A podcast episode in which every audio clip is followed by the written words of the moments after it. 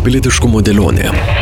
FM99 laidos apie tai, kas vyksta aplink, apie karo pasiekmes Lietuvai ir pasauliui, pilietinės visuomenės svarbą, dezinformaciją ir gebėjimą ją pažinti, kultūros įtaką, kuriant imperialistinę visuomenę ir kaip išlikti atspariems išorės grėsmėms. Klausykite. Laidą surasite ir FM99 radio podcasto epizoduose bei YouTube kanale. Pilietiškumo dėlionė. Klausykite šiandien. Europos parlamentas kasmetinėme ES užsienio politikos vertinime išreiškė solidarumą su Taivanu, akcentavo Kinijos santykius Rusija pavojus bei ragino išsaugoti demokratiją Taivane, vadindamas Taivaną pagrindiniu ES partneriu ir demokratiniu sąjungininku Indijos ir Ramiojo vandenino regione. Diskusijos apie santykius ir įtampą su Kinija tęsiasi tiek Lietuvoje, tiek ir ES. 2021 rudenį atidarius taivaniečių atstovybę Lietuvoje tai sukėlė dar didesnės bangas. Pasiekmes pajuto visa Europos Sąjunga, Lietuva tokio palaikymo iš partnerių sulaukė su pačios Kinijos pagalba, sako Europos parlamento delegacijos su Kinija pirmininkas Vokietijos europarlamentaras Reinhardas Butikoferis. Santykiai su Taivanu intensyvėja ir kitų ES šalių bei institucijų. Nuo 21-ųjų Taivane apsilankė trys Europos parlamento delegacijos. Paskutinioji pernai prieš pat Kalėdas. Į Taivaną pirmą kartą nuvyko Europos parlamento tarptautinės prekybos komiteto delegacija. Prieš pat šį vizitą kalbinome delegaciją delegacijos narį Reinhardą Butikoferį. Kaip Jūs matote ES ir Kinijos santykius toliau, kur link jie krypsta? Beveik prieš ketverius metus ES išorės veiksmų tarnyba ir ES komisija pateikė trijų punktų santykių tarp ES ir Kinijos apibrėžimą. Tai partnerės, konkurentės ir taip pat sisteminės varžovės. Kai kas kritikavo šį apibrėžimą, kad jie skamba prieštaringai ir jis tikrai skamba prieštaringai, bet realybė yra prieštaringa. Bet kuriuo atveju realybė ir dalykai keičiasi, tad balansas tarp šių trijų charakteristikų nėra pastovus. Pastarosius ketverius metus, sakyčiau, partnerystės apimtis smarkiai sumažėjo sumažėjo. Partnerystė tai bendradarbiavimo forma, kai partneriai draugė siekia bendro tikslo. Labai mažai pavyzdžių galėčiau įvardyti, kur mes dabar galime siekti bendrų tikslų kartu su Kinija. Anksčiau buvo kitaip, bet vystimasis Kinijoje, agresyvesnė užsienio politika, didesnis spaudimas namuose pakeitė Kinijos realybę ir mes turim prisitaikyti, negalim likti prie senos politikos, jei keičiasi realybė. Konkurencija išaugo, bet sisteminis varžymasis dabar aiškiai vyrauja. Tai pagrindinė šių santykių charakteristika politika šiuo metu. Akivaizdu, kad besivaržantys gali ir bendradarbiauti, jei jie taip nusprendžia. Bet negali būti varžybos pirmadienį, o kitomis savaitės dienomis ne.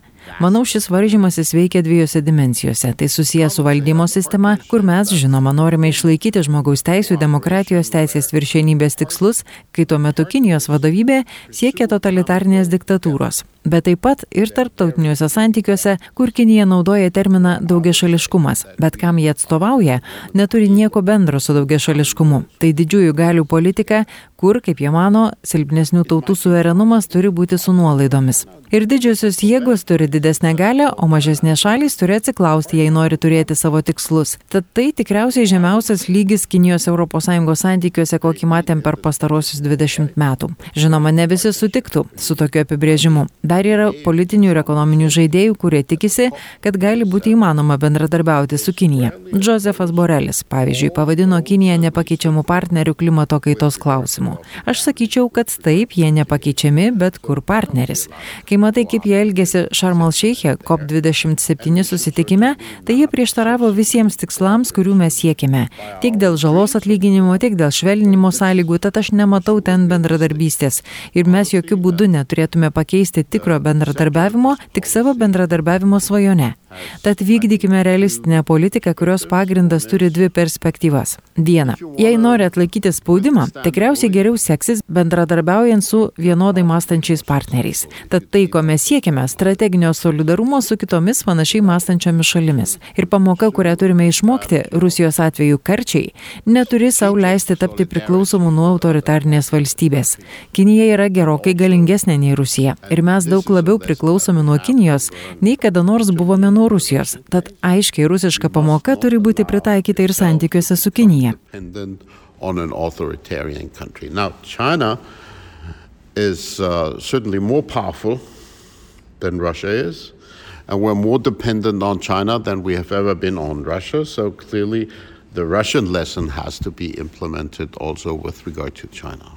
Ar ES tai supranta, nes kartais atrodo, kad vis tiek ekonomika laimi prieš vertybės. Pavyzdžiui, žiūrint į naujas investicijas Hamburgo uoste, kur pernai investavo Kinijos įmonė, ar kitas kinų investicijas į kritinę infrastruktūrą.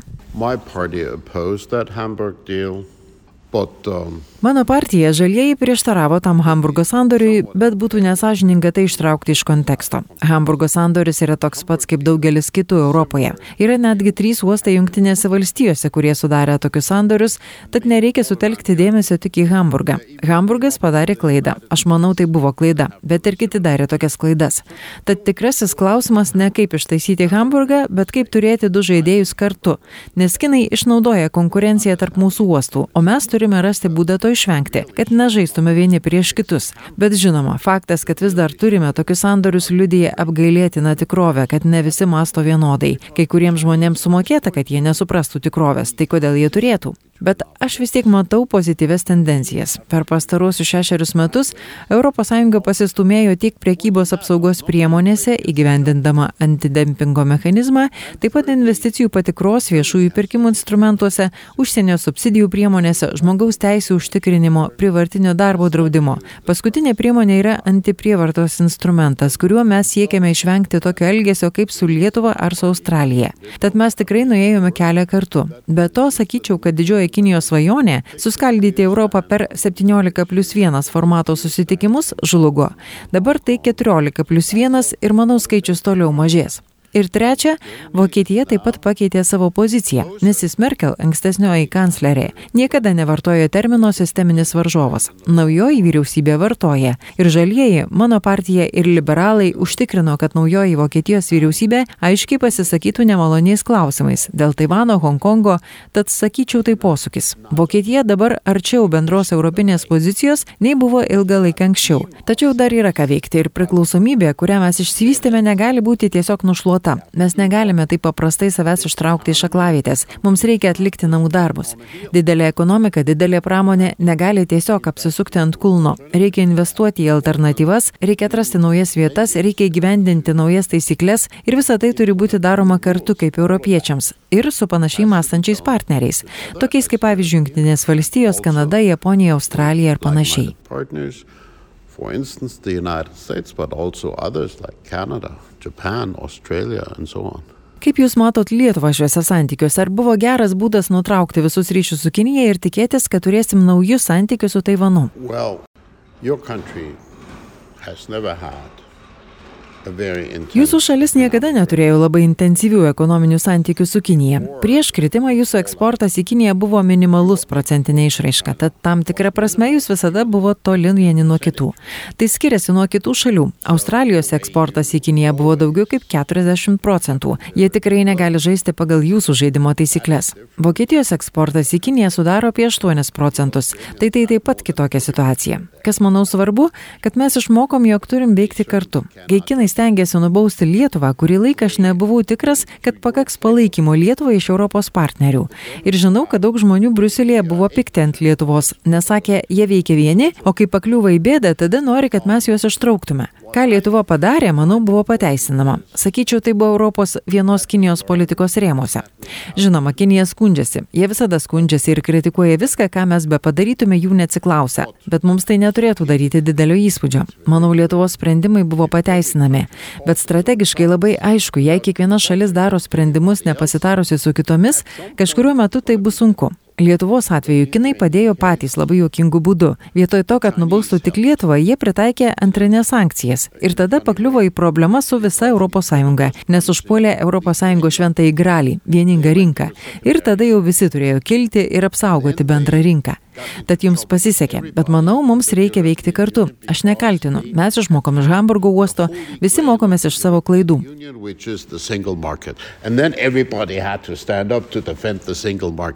So lucky you. Uh, but I think we have to move together. Well, I'm, I'm not putting blame, but we learn from Hamburg Harbor Lietuva toje situacijoje mane, kad daro didelę paslaugą Taivanui. Kaip manot, kaip Taivane matoma situacija, ką Lietuva daro Europoje? Ar jiems tai svarbu? Look,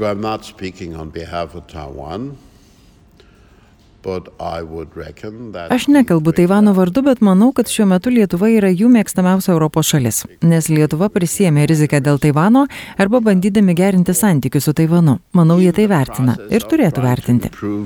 The relations with Taiwan. I think they cherish that, and they should. O jei kalbam apie ekonominius santykius, ar gali Lietuva tikėtis glaudesnių santykių Taivano investicijų puslaidininkių pramonėje ar panašiai, nes būtent to Lietuva ir tikisi. Why do you ask me about Taiwanese investment? Kodėl jūs manęs klausėt apie Taivano investicijas? Aš žinau, kad taivaniečiai paskelbė apie investicijas Lietuvoje. Tai tikrai nepasieks jų investicijų Arizonoje lygio, kurios yra 40 milijardų. Bet aš kalbėjau su keletu žmonių iš taivaniečių vyriausybės, kurie tikrai supranta, kad jie skolingi Lietuvai, nes Lietuva stovėjo už jų vertybės, gindama jų aktyvaus solidarumo teisę su kitomis demokratijomis, kokia yra ir Taivanas. Tad tikiuosi bendradarbiavimas auks. Yra ir bendra tendencija plėsti santykius su Taivanu, tačiau Lietuva kartais gali būti lyderė. Bet ne vien tik Lietuva. Vokiečiai daro taip pat vis daugiau su Taivanu. Europos komisija atnaujino bendradarbiavimo lygį su Taivanu. Daugėja ir Europos ir nacionalinių parlamentų narių vizitų. Vyko delegacija iš Bundestago, iš Europos parlamento. Tad aiškiai auga bendras supratimas, kad Taivanas yra vertingas partneris. Ir ne tik dėl to, kad jie turi daug puslaidininkių. Nors žinoma, tai turi svarbiausią vaidmenį ekonominė prasme. Bet taip pat ir jų gyvybinga demokratija, kuri turi liberales vertybės. Nėra tiek daug valstybių, kurios gerbtų LGBTQ teises. Taivanas gerbė. Netiek daug šalių gerbė tautinės mažumas, bet Taivanas tai daro. Jie taip pat puikiai susitvarkė valdydami pandemiją, tad jie gali būti mokytojais kai kuriems mūsų, kuriems netaip gerai sekėsi. Tad partnerystės nauda gali būti labai įvairi. Ir kai matom augantį nerimą, su kuriuo kai kurios Europos šalys seka darbą, kurį daro vadinamieji Konfucijus institutai, kai yra įtariama, kad Kinija daro įtaką per šiuos Konfucijus institutus, tai Taivanas taip pat gali būti partneris, pasiūlydamas alternatyvas vertingoms Kinijos kalbos ir kultūros žinioms, taip pat galimybės moksliniam bendradarbiavimui. Taip pat išgirdome, kad pirmą kartą per daugiau nei 25 metus Vokietijos vyriausybės narys lankysis Taivane ir tai yra mokslo ir technologijų ministrė. Tad yra daug sričių, kur naudos gali turėti visos for the first time in more than 25 years, a minister of the German cabinet will visit Taiwan next year. And she is the minister for science and technology. So I think there are many dimensions where either side would benefit. Kalbant apie Kiniją ir Rusiją, ar turite nuojautą, kokio pobūdžio santykiai tarp jų vystosi ir kur link jie gali krypti? No, Neturiu nuojautos, bet turiu tekstą, kai vasario ketvirtą dieną Xi Jinpingas ir Vladimiras Putinas susitarė dėl draugystės be jokių ribų - No Limit Friendship. Tas dokumentas aiškiai sako, prieš ką jie stoja kartu. Jie vykdo revizionistinę politiką, kuri nori sugriauti tarptautinę tvarką, pakeisti taisyklės paremtas daugiašališkumu, didžiųjų autoritarinių jėgų privartiniu dominavimu. Kinijos vyriausybė, kuris kelbė neginčiamas vertybės ir teritorinį vientisumą visą laiką, kiek jie yra jungtinėse tautose, Staiga, kai klausimas pasisuka apie Ukrainą, veikia kitaip. Jie sako, kad Ukrainos interesas turi būti paukotas dėl Rusijos saugumo intereso. Staiga visi nacionalinio suverenumo interesai turi būti priimami su išlygomis.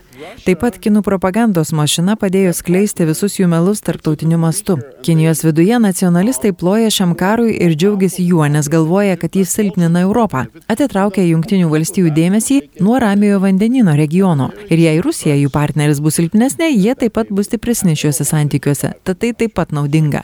Be to, jie gali viską, ką tik nori labai pigiai nusipirkti iš Rusijos. Tad manau, kad lyderiai Pekine yra visai patenkinti karu. Kas jiems nepatinka, tai kad Putinas pralaimi.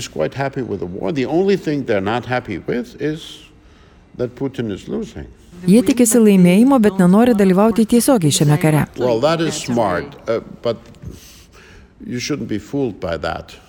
Tai gudru, nereikia apsigauti, jie vis tiek bendrininkai su Putinu, bet nenori brangiai už tai mokėti. Jei jie peržengs raudoną liniją, kai amerikiečiai ir europiečiai juos turės bausti už siunčiamą ginkluotę Rusijai, kaina bus labai aukšta. Tad kam jiems prisimti papildomus kaštus, kai jie gali susitarti geresnę kainą? If they can have the deal at a better price. Korupcijos skandalas Europos parlamente kilo dėl Kataro įtakos. Ar manot, kad gali kas nors panašaus būti su Kinija? Jei gali papirkinėti Kataras, kodėl negali daug įtakingesnė Kinija? Look, I, I unfounded speculations. I don't want to accuse people of stuff I cannot prove. I do know Aš netikiu neįrodytomis spekulacijomis, nenoriu kaltinti dalykais, kurių negaliu įrodyti, bet žinau, kad egzistavo taip vadinama draugystė su Kinija grupė, kuriai vadovavo konservatorius iš Čekijos. Ir prieš tokių vadinamų draugystės grupių taisyklės, ši leido Kinijos ambasadai sumokėti už prieimimą, kurį jie organizavo. Aš tai sužinojau, iškėliau klausimą parlamento pirmininkui ir ši grupė buvo oficialiai panaikinta ir nebeaktyvi nuo tada. Tad taip, buvo veiksmų, kurie prieštaravo šio parlamento taisyklėms. Jie buvo nubausti. Bet tai toli gražu nebuvo tokiame lygyje kaip šis. Tai buvo gal 2-3 tūkstančių eurų klausimas, ne šimtų tūkstančių. Ar aš turiu kokiu nors požymiu, kad po to buvo korupcija? Ne. Ar būčiau apie tai žinojęs? Nebūtinai. there is corruption beyond that? No. Would I know? Not necessarily. Europos parlamento delegacijos su Kinija pirmininką Vokietijos europarlamentarą Reinhardą Butikoferį kalbino Vilija Kvedaraitė.